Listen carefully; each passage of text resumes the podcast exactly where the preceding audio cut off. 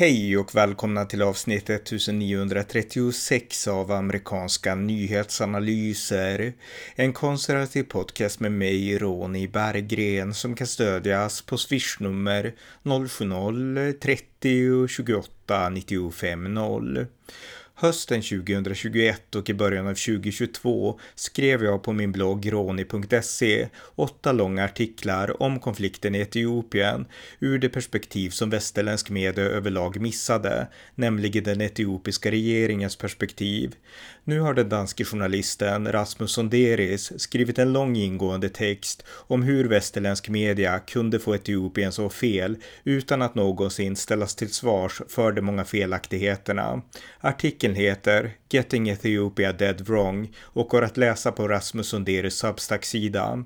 Många saker har hänt i Etiopien de senaste två åren. Hypen för president Abiy Ahmed är idag över och Etiopien står inför många andra och nya problem än det som känner kännetecknade landet under kriget. De sakerna får dock avhandlas vid annat tillfälle. Här följer ett samtal med Rasmus Sonderis om bristerna i västerländsk media i förhållande till Afrika i allmänhet och Etiopien i synnerhet. Brister som blev som mest tydligast när kriget pågick som mest intensivt. Varmt välkomna! Rasmus Sonderis, welcome. Thank you very much, Ronnie. You are a Danish journalist and uh, you have uh, a long background uh, of reporting in Ethiopia. And, you know, we have spoken before, but uh, still, can you tell me a little bit short, about your background? Yeah, yeah, it's great to be back, uh. Yeah, I've been a journalist for media in Denmark and Chile for some 20 years.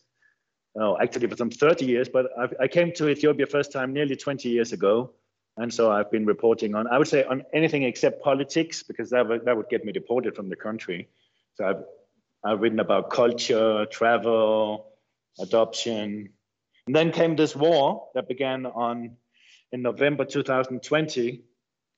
And I, I just had so much knowledge, so much, um, especially about what people feel here in Addis Ababa, in the capital, what people feel to, you know, how they have really, really hostile feelings towards the TPLF, the, the insurgency movement, but actually very warm feelings toward normal Tigrayans. And so I realized how distorted uh, reporting was. It was like Ethiopia is in the grip of tribal hatred against all Tigrayans. And I could just, this is simply not true. Is there something I'm missing out on? You know, I'm, I'm reading in the newspapers that all Tigrayans are being grabbed from their homes and put in prison and I wasn't in Ethiopia at that time. So I asked people, and said, no, it's not true. And so that's when I began to become interested in the politics and, of this war, yeah. Okay, very interesting. You weren't interested in politics, you know, in the same way before this war. Yes, I was always very interested in politics, but I couldn't write about it. yeah, because because because of the TPLF, the, the the dictatorship, basically. Exactly. The the one of the the rebel leaders, Getachew Reda, he was Minister of Communications. He was the one I had to I had to go to his ministry to get my my um, accreditation as a foreign correspondent. And uh, I don't know, I didn't feel comfortable writing about politics back then. I did once or twice under pseudonym. And of course, we were talking politics every day among friends. I was reading the newspapers, but it was not a subject that yeah. I felt uh, comfortable writing about. Uh, and that is a good bridge to the subject we're going to talk about because uh, the thing is, uh, Ethiopia used to be a dictatorship, actually, two dictatorships. They were Marxist Leninists uh, during the 1970s and 80s, and then during the 1990s and 2000s, they were, uh, I don't know what to call it, but it was not a democracy at least, uh, an authoritarian rule, I would sure. say yeah, under uh, TPLF, and then it became a democracy in 2018, uh, not not that long yeah, ago. Yeah, wait, yeah. wait, wait, wait. I think that's a bit bit overselling a point. Okay. you know, it doesn't really have a democratic culture. You you you. It's always you know two steps forward, one step back, perhaps. But yeah, at least there was a wave of optimism that now a democracy would be built, right? And it's difficult. It's difficult. I, I don't want to say that Ethiopia is now a fully fledged democracy. I would say it was a, an experiment in democracy that tries to move towards democracy, but you know, then you have some backsliding. It's not easy to build a democracy, I must say, when you have um, a war going on, when you have this militarization of society, and you have no democracy. Right? So much as I love Ethiopia and think they deserve a democracy, I don't want to romanticize the political culture and say now it's a democracy. No, that, that, it's good that you say that. We, we, we can say it, it started an experiment in democracy in 2018. But the thing is that they got a very pro, you know, TPLF was pro-Western, uh, uh, the dictatorship, because, you know, the West supported the TPLF against, you know, Islamism in Somalia and other things. And they were, you know, anti-Marxists, at least in theory. So the West supported even the dictatorship, TPLF. But when uh, Abiy Ahmed, uh, the president, uh, the present president of Ethiopia, uh, got into power, uh, democratic, democratically elected, then Ethiopia also became ideological allied with the West. You know, they, they, they supported free markets, they yeah, supported yeah. individual rights. So you would you would say that ideologically, uh, Ethiopia became a friend of the West, uh, 2018. Yeah, that's one way of putting it. I mean, he did win the Nobel Peace Prize. That was also for making peace with Eritrea because um, there was a lot of tension with the TPLF and the West, especially over um, human rights and democracy. Also, even in development aid, there all the time. But Ethiopia is such a big country with so many needs and so strategically important that, uh, yeah, the, the, West and the TPLF were quite close, but the, it was not a sort of a perfectly harmonious relationship at, at all. No, but um, uh, but to yeah, then then came sorry yeah, the main point is that uh, the TPLF lost their power and they had ruled uh, the Ethiopia for like 20 years as a, a dictatorship. And yeah, 27 years. Yeah. Oh right, yeah, yeah. yeah. And uh, Ethiopia started this, you know, experiment, if you call it that, or experiment in democracy. And that is, you know, the basic background of what we're going to talk about because TPLF lost power, and then in 2020, uh, and TPLF uh, comes from a region called Tigray in the the northern part of Ethiopia. Right so the leadership of TPLF basically fled back to Tigray because you know they, uh, they it, became a, a, new sheriff in town, so to speak. And uh, in 2020, they decided that we we we don't like uh, having lost power. We want to get the power back. So they started a war and you know started to try to invade right. Uh, Ethiopia and the capital Addis Ababa, where you are living now, uh, from Tigray. That was what happened in 2020. They tried to get the power back, the old dictatorship party yeah, correct. Yeah, you're telling it uh, very quickly, but yeah, yeah by and large, that's what happened. Of course, there was a long process with a lot of political flashpoints along the way. If you read um, Getting Ethiopia Dead Wrong, you can read all about the escalation process. Um, yeah, I try to give some background. Yeah, exactly. But that, yeah, exactly, exactly, and that is what you're because the the main point in your article here is that uh, the the media when this war started, when the TPLF tried to get the power back, uh, then the media in the West and also in other parts of the world, but mostly in the West, got a lot of things wrong about this war, and that is basically what your article uh, "Getting Ethiopia Dead Wrong" is about. So uh, one thing you say, exactly, yeah, yeah, in, in your for, in your introduction is that the Western media they got a lot of things of uh, about this conflict wrong because they had the single story about Africa. They had this mindset, a single story right. about Africa. What what is the what is that mindset? Can you explain that? Yeah, I mean the single story about Africa is that Africa is not about fighting for democracy or the, the same kind of struggles that we have in the rest of the world. It's about tribalism, tribal, uh, about genocide. We had all these comparisons to Rwanda all the time. Um, that that was the main thing. They, they, they read the conflict very much in ethnic as an ethnic rivalry war, right?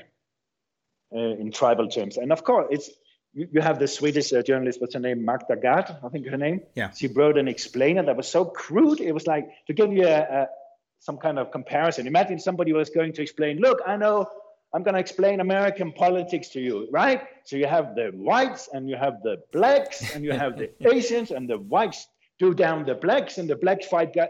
I mean, that's that's the kind of level we're talking about. It's not like that when you live here.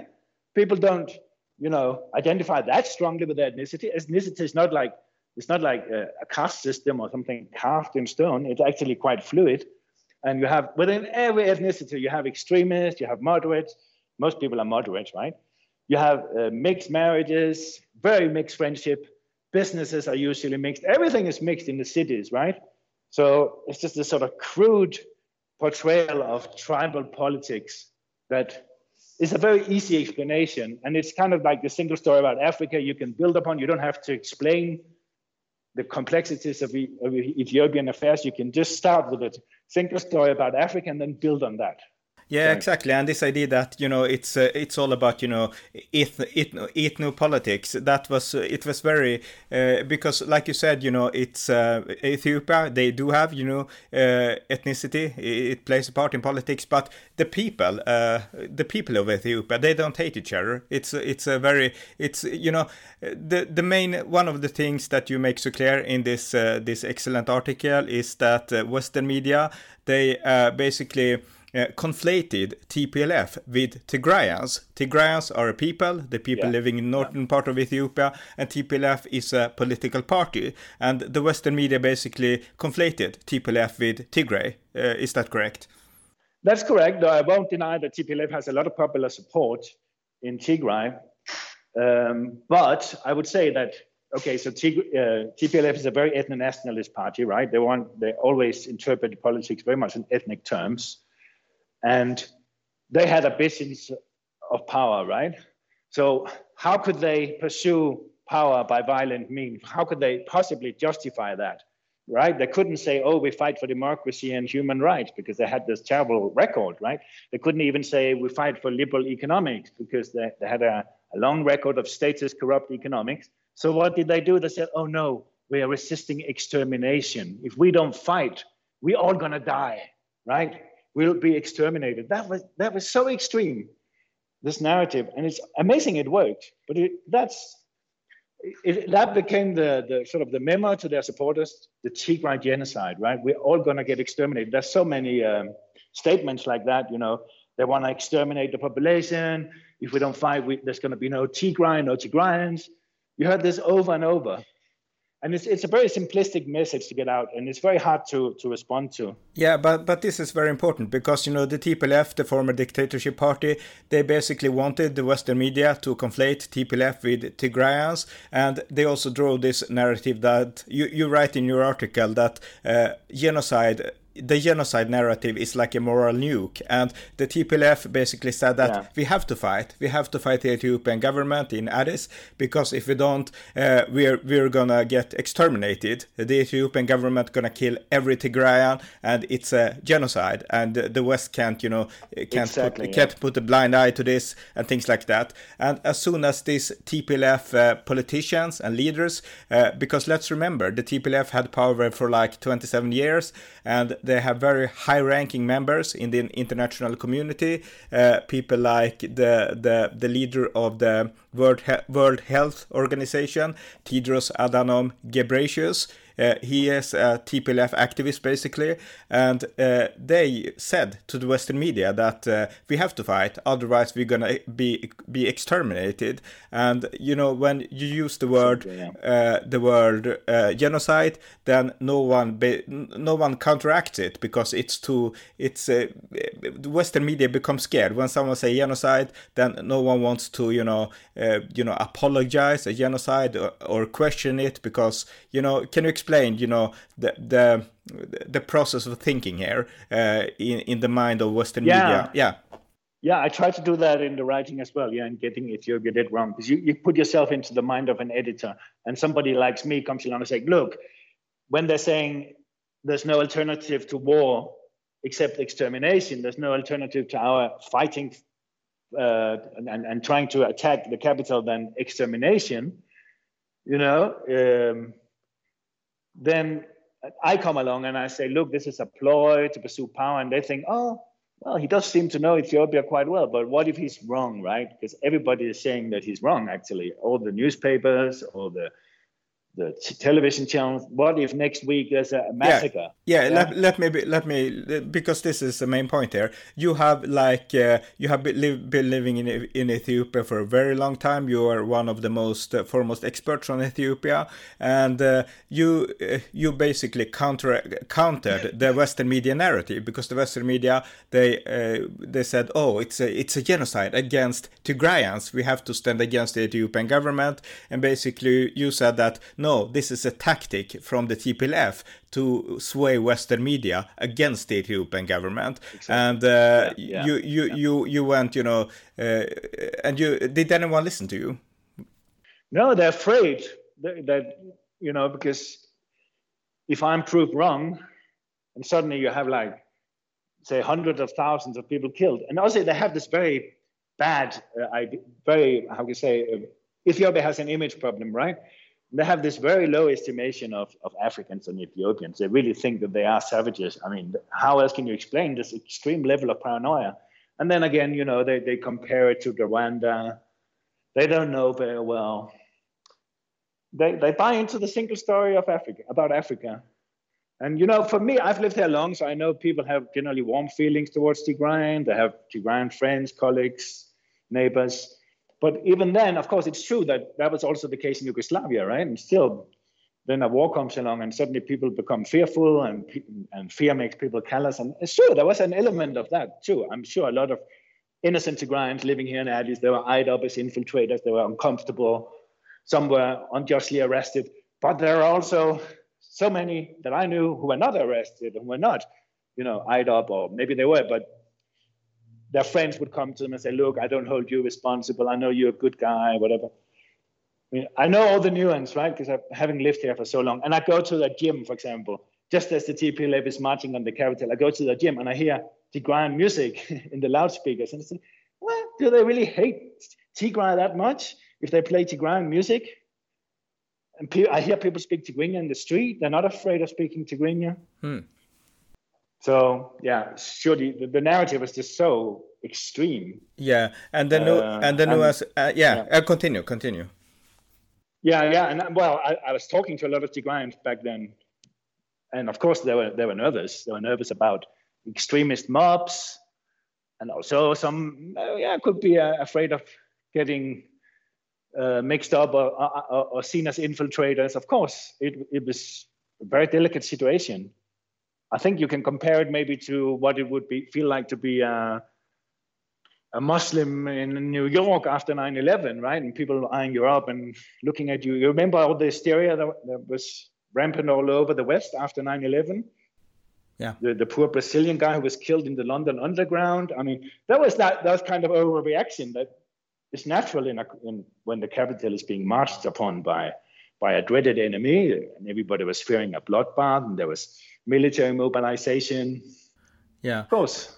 But but this, this is a developing country, right? It's not a yeah, but but the, you know the, the main thing here is that you know there were no massacres against Tigrayans in Addis, and the the main story should have been that uh, the TPLF uh, with their armies were marching uh, in late 2001 2021 towards Addis Ababa with an army to invade the capital of Ethiopia to overthrow the government and basically Absolutely, reinstate yeah. dictatorship. That should have been the main story in Western media, and instead of that they focused on how uh, uh, the politicians, uh, the government uh, treated Tigrayans in Addis Ababa, and they didn't treat Tigrayans that bad. Tigrayans were part of the government, and that you know never became uh, that that never became news in the West uh, because the West basically treated it as uh, as a tribal war. You know, the Tigrayans versus the the other peoples basically. So the main story should have been that Addis Ababa is getting invaded by the former dictatorship party TPLF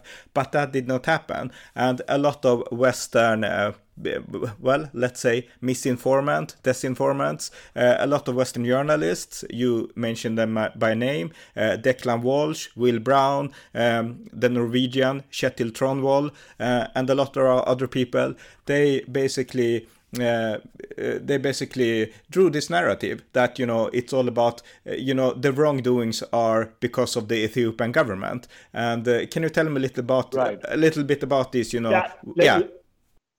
Let, let's make a distinction here because someone like Declan Walsh, he is completely ignorant about Ethiopia. He, he doesn't know anything, right? He hasn't even done any research into the escalation process. He's completely clueless and he thinks he, he knows everything, right? Uh, he's a storyteller. He doesn't know much. There are many of those. Will Brown also, I think he was probably misled by some people around him. He's never lived in Ethiopia. And then you have something like Kjetil, and he does know a lot about Ethiopia. He does get some basic stuff wrong sometimes, but he you can't you know accuse him of not knowing anything about Ethiopia. He just definitely knows. But he's very close to the TPLF hierarchy. He's not even coy about it. Same Alex de Waal, you know, who was uh, poetizing the TPLF victory, how Ethiopia was going to change, how they had completely won the war.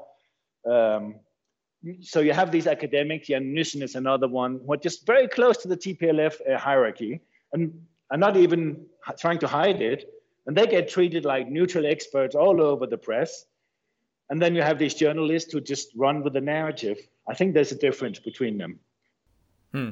Yeah, but but but all of them basically either they stood on the TPLF side or they were like uh, anti, you know, against the Ethiopian government for different reasons, and uh, they had these narratives. Basically, they said that uh, uh one of the let's let's stick with this one. One of the most uh, uh, wrong uh, accusations against the Ethiopian government was that they used famine as a weapon against Tigray and against yeah. the, the, TPLF, and that was one of the most you know common uh, misconceptions about the war. And you write a lot about that. Can you can you explain that you know misconception a, a little bit yeah. more in detail? Yeah, I mean, absolutely. That was a crucial accusation. It was repeated so many times, it became like a truism, right? But it was not true. I mean, you have the the foremost UN man in charge of, of uh, bringing relief supplies into Tigray, Steven Were Omamo, writing this book called At the, At the Center of the World in Ethiopia. He's a Kenyan national who, um, who worked here as the country director of the World Food Program. I recommend everybody reading should read that book. Uh, it's absolutely brilliant and also full of very deep reflections about the UN humanitarian system, how it was politicized. And yeah, the thing is, there's no evidence that the Ethiopian government ever tried to block relief supplies. But of course, it wasn't minded to boost Tigray's war economy. And Ethiopia wasn't minded to let in weapons or cash or anything like that. But there was, it actually cooperated with the World Food Program all the time. And even when the TPLF would retain the trucks, for example, of the relief convoys and there was fighting along the front, uh, uh, some of the XX points, there was fighting. Um, despite that, the Ethiopian government never tried to block relief supplies. There were local militias, maybe, who were seizing these trucks as they were passing by, especially in Afar, because they were also exhausted and they had been raided by TPLF and they were hungry too, right? And they mm. see all these trucks uh, going through their territory, some of them with fuel even that they know they can be put into tanks as well. So they would sometimes seize some of these supplies for themselves. But but uh, Steven Were Omamo, he describes how he got in touch with the Afar regional government and managed to negotiate the passage of these convoys. Same through uh, Amhara, that, that, those are the two main access, access points. And even, you know, um, when the fighting, there was a sort of last gasp TPLF offensive on the 24th of August 2022.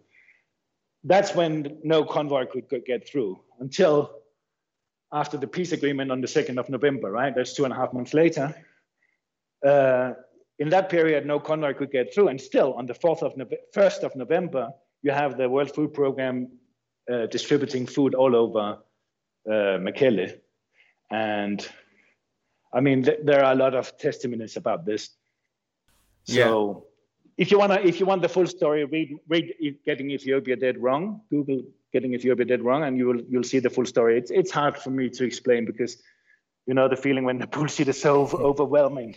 Yeah. And everybody comes to believe it because it's being repeated by so many high ups in so many important places. So many respectable journalists are saying it again and again and again. You know, the man-made famine. It's worse than the 80s even yeah it's just so tiring so I, I dedicate a lot of space to that towards the end. Yeah. Yeah, I recommend everyone to read your article. But that's what that is one of the main points that you know the the Western media had this narrative that the Ethiopian government is starving the Tigrayan population, and that is dead wrong, to so to speak. And you know, one more Simply, thing yeah. Yeah. Yeah. Uh, and one more thing here that is very important to understand uh, for a Western audience is that the TPLF really has these propagandists. And uh, like I mentioned him before, Tedros Adhanom Ghebreyesus, he is the Director General of the World Health Organization. And uh, he has a background as a part of this uh, former dictatorial regime in Ethiopia. Can you basically can you can you say something briefly about his background? Yeah, I mean he's a perfect he's a chameleon, right? Because he was a, a hardcore Marxist Leninist Stalinist, right? Then he was a, an apparatchik in the in the party, and he he would. I remember when he began, uh, he when he assumed office in the World Health Organization. At first, he would pick fights with Taiwan, yeah, to ingratiate himself with Beijing. Uh, but but then when China defended Ethiopia, he turned against China overnight. And he, now he plays this very sort of um, uh, center-left uh, liberal Democrat, right? He says things like, "I'm reflecting on the interconnections between love and trust," and he comes across like like uh, one of ours, right? Um, in in the sort of center center-left Western establishment, but he's not really one of theirs. Um, he's he has a completely different background. But it's amazing how he can get away with charming everybody so easily, just because he he's very good at adapting his speech yeah, he, he has two he, he, exactly has two faces. He speaks in one way to the Western audience and you know comfort as a moderate yeah. or some sort of you know international professional because he leads. He actually leads one of the world's most important organizations, the World Health Organization. But he basically is a, a you know a former dictatorship apparatchik, uh, uh, you know from the former exactly, yeah. from the former dictatorship party that is now trying to take back not now but you know that was trying to take back their power by invading the capital of Ethiopia. And you know, he was treated like some sort of you know expert on this uh, on the on the international stage, and that is very uh, it's a, it's a lazy reporting from Western media not to to mention that and you know bring bring bring bring that to light for a Western audience. So in your article, uh, getting the Ethiopia dead wrong, which everyone can read at your Substack or sonderis.substack.com, uh, you write more about him and you write more about other people like like like him and the the main point I wanna you know uh, you know uh, come to is that uh, you basically say that Western media and their TPLF enable enablers they could put out a false narrative about the conflict in, in Ethiopia to the whole world basically, and they never had to face any accountability for that. Exactly. It's amazing how little they check their sources. Like somebody like Jan Nyssen, for example, constantly referred to as a team of researchers from Ghent University. I mean, it's, it's very easy to find out how partisan he was. Um, yeah, same with Kjetil and Alex de Waal. You know, they, they never hide their close connections to the TPLF hierarchy. Then this guy, Tony Magana, who is uh, used as a truth witness in about sadistic rape. And then it turns out actually he spent one year in prison for battery and he's been accused of rape himself. He lost his medical license in the US. Why doesn't anybody check him? You know, I'm not saying that, I'm, that he, sh- I mean, I, I, I don't want to say that he did anything, accuse him of anything he hasn't done, but at least he shouldn't be, he shouldn't be rolled out as a truth witness about rape. Hmm. That's, why don't they do that due diligence?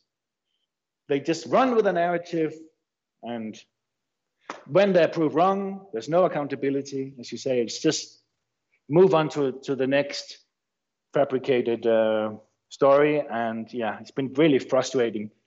It's, it's hard to express in, speak um, orally here on the speaking, but so that's why I really thank you for recommending that everybody read getting Ethiopia dead wrong. You can just Google getting Ethiopia dead wrong. Exactly. But one last point before we finish here is that this this sort of reporting has had consequences and consequences for the West and for Europe too. And one of those consequences is that Ethiopia, who has become an ideological friend of the West, at least in theory, uh, because of these wrong reportings from the Western media, Ethiopia has gotten closer to Russia and closer to China, uh, the two top main adversaries to, to the West and to Europe. And, you know, that this is a consequence, not because of, you know, uh, Ethiopian hatred uh, for Europe or for the West, but because of their distrust of Western media. Could you elaborate a little bit on, on that point? Yeah, absolutely. When you say that uh, you know you're in favor of peace, but this rebel group has no choice but to fight to the death. That was uh, in the words of Alex de Waal. Tigrayan have every motive to fight to the death. He said that just a couple of weeks before the peace agreement, right? When you have that narrative, you pour fuel on the fire, uh, especially among Tigrayans who may be a bit skeptical towards the TPLF. You, you make them believe believe in it too when you have all these respectable news organizations saying it. Um, sorry, the question again. Uh, well, the question was that you know uh, the the the wrong perception of the Western media made you know Ethiopia move closer to Russia and China. Yeah, yeah, absolutely. I mean, um, Western support for democracy has got a really bad name now in Ethiopia. So you could blame the West for some of the backsliding. I don't want to that to be like an excuse, but obviously uh, the West has shown that it will not back a democracy. It will it will not try to support uh, a democracy or an experiment in democracy in trouble. So of course it, it makes it there's less of an incentive to pursue Western ideals of democracy or to trust the West. So yeah, it caused a lot of damage, not just in Ethiopia but worldwide to to the cause of democracy. I believe that. Yeah, yeah. Uh, so the West and and it's important to get these things right because the Western media, uh, the Western audience, and you know the West as a whole need a good relationship with Africa and the the, the nations in Africa. And by doing these, you know, bad reportings, they basically burn the bridges to a very important continent.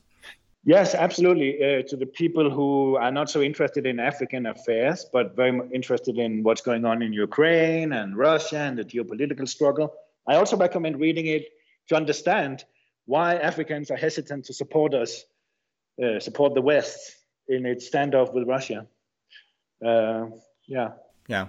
All right. Well, uh, you have written an excellent article, Getting Ethiopia Dead Wrong, and I hope everyone reads it. And uh, we have to understand Africa in a more, you know, comprehensive way. So thanks a lot, Rasmus, for taking time. Thank, thank you, Ronie. And let me also say one last thing. Actually, uh, there's one very short paragraph where I say conservatives have been asleep at the wheel, right? Because you have the far left in support of Ethiopia, uh, seeing this conflict through the lens of anti-imperialism, but you also have some conservatives who did support Ethiopia, but in general, there's kind of been asleep at the wheel because a lot of the villains in this plot have been the usual bugbears like globalist elites, the United Nations, the BBC, CNN.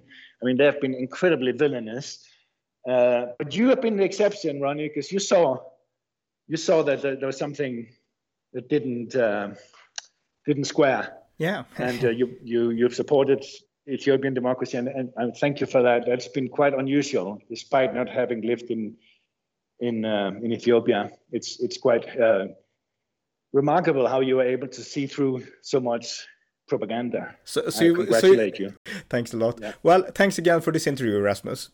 Yeah, you're welcome. Thank you. Tack för att ni har lyssnat på amerikanska nyhetsanalyser. En konservativ podcast som kan stödjas på swishnummer 070-30 28 95 0 eller via hemsidan på Paypal, Patreon eller bankkonto. Skänk också gärna en slant till valfri Ukraina-hjälp. Tack igen för att ni har lyssnat.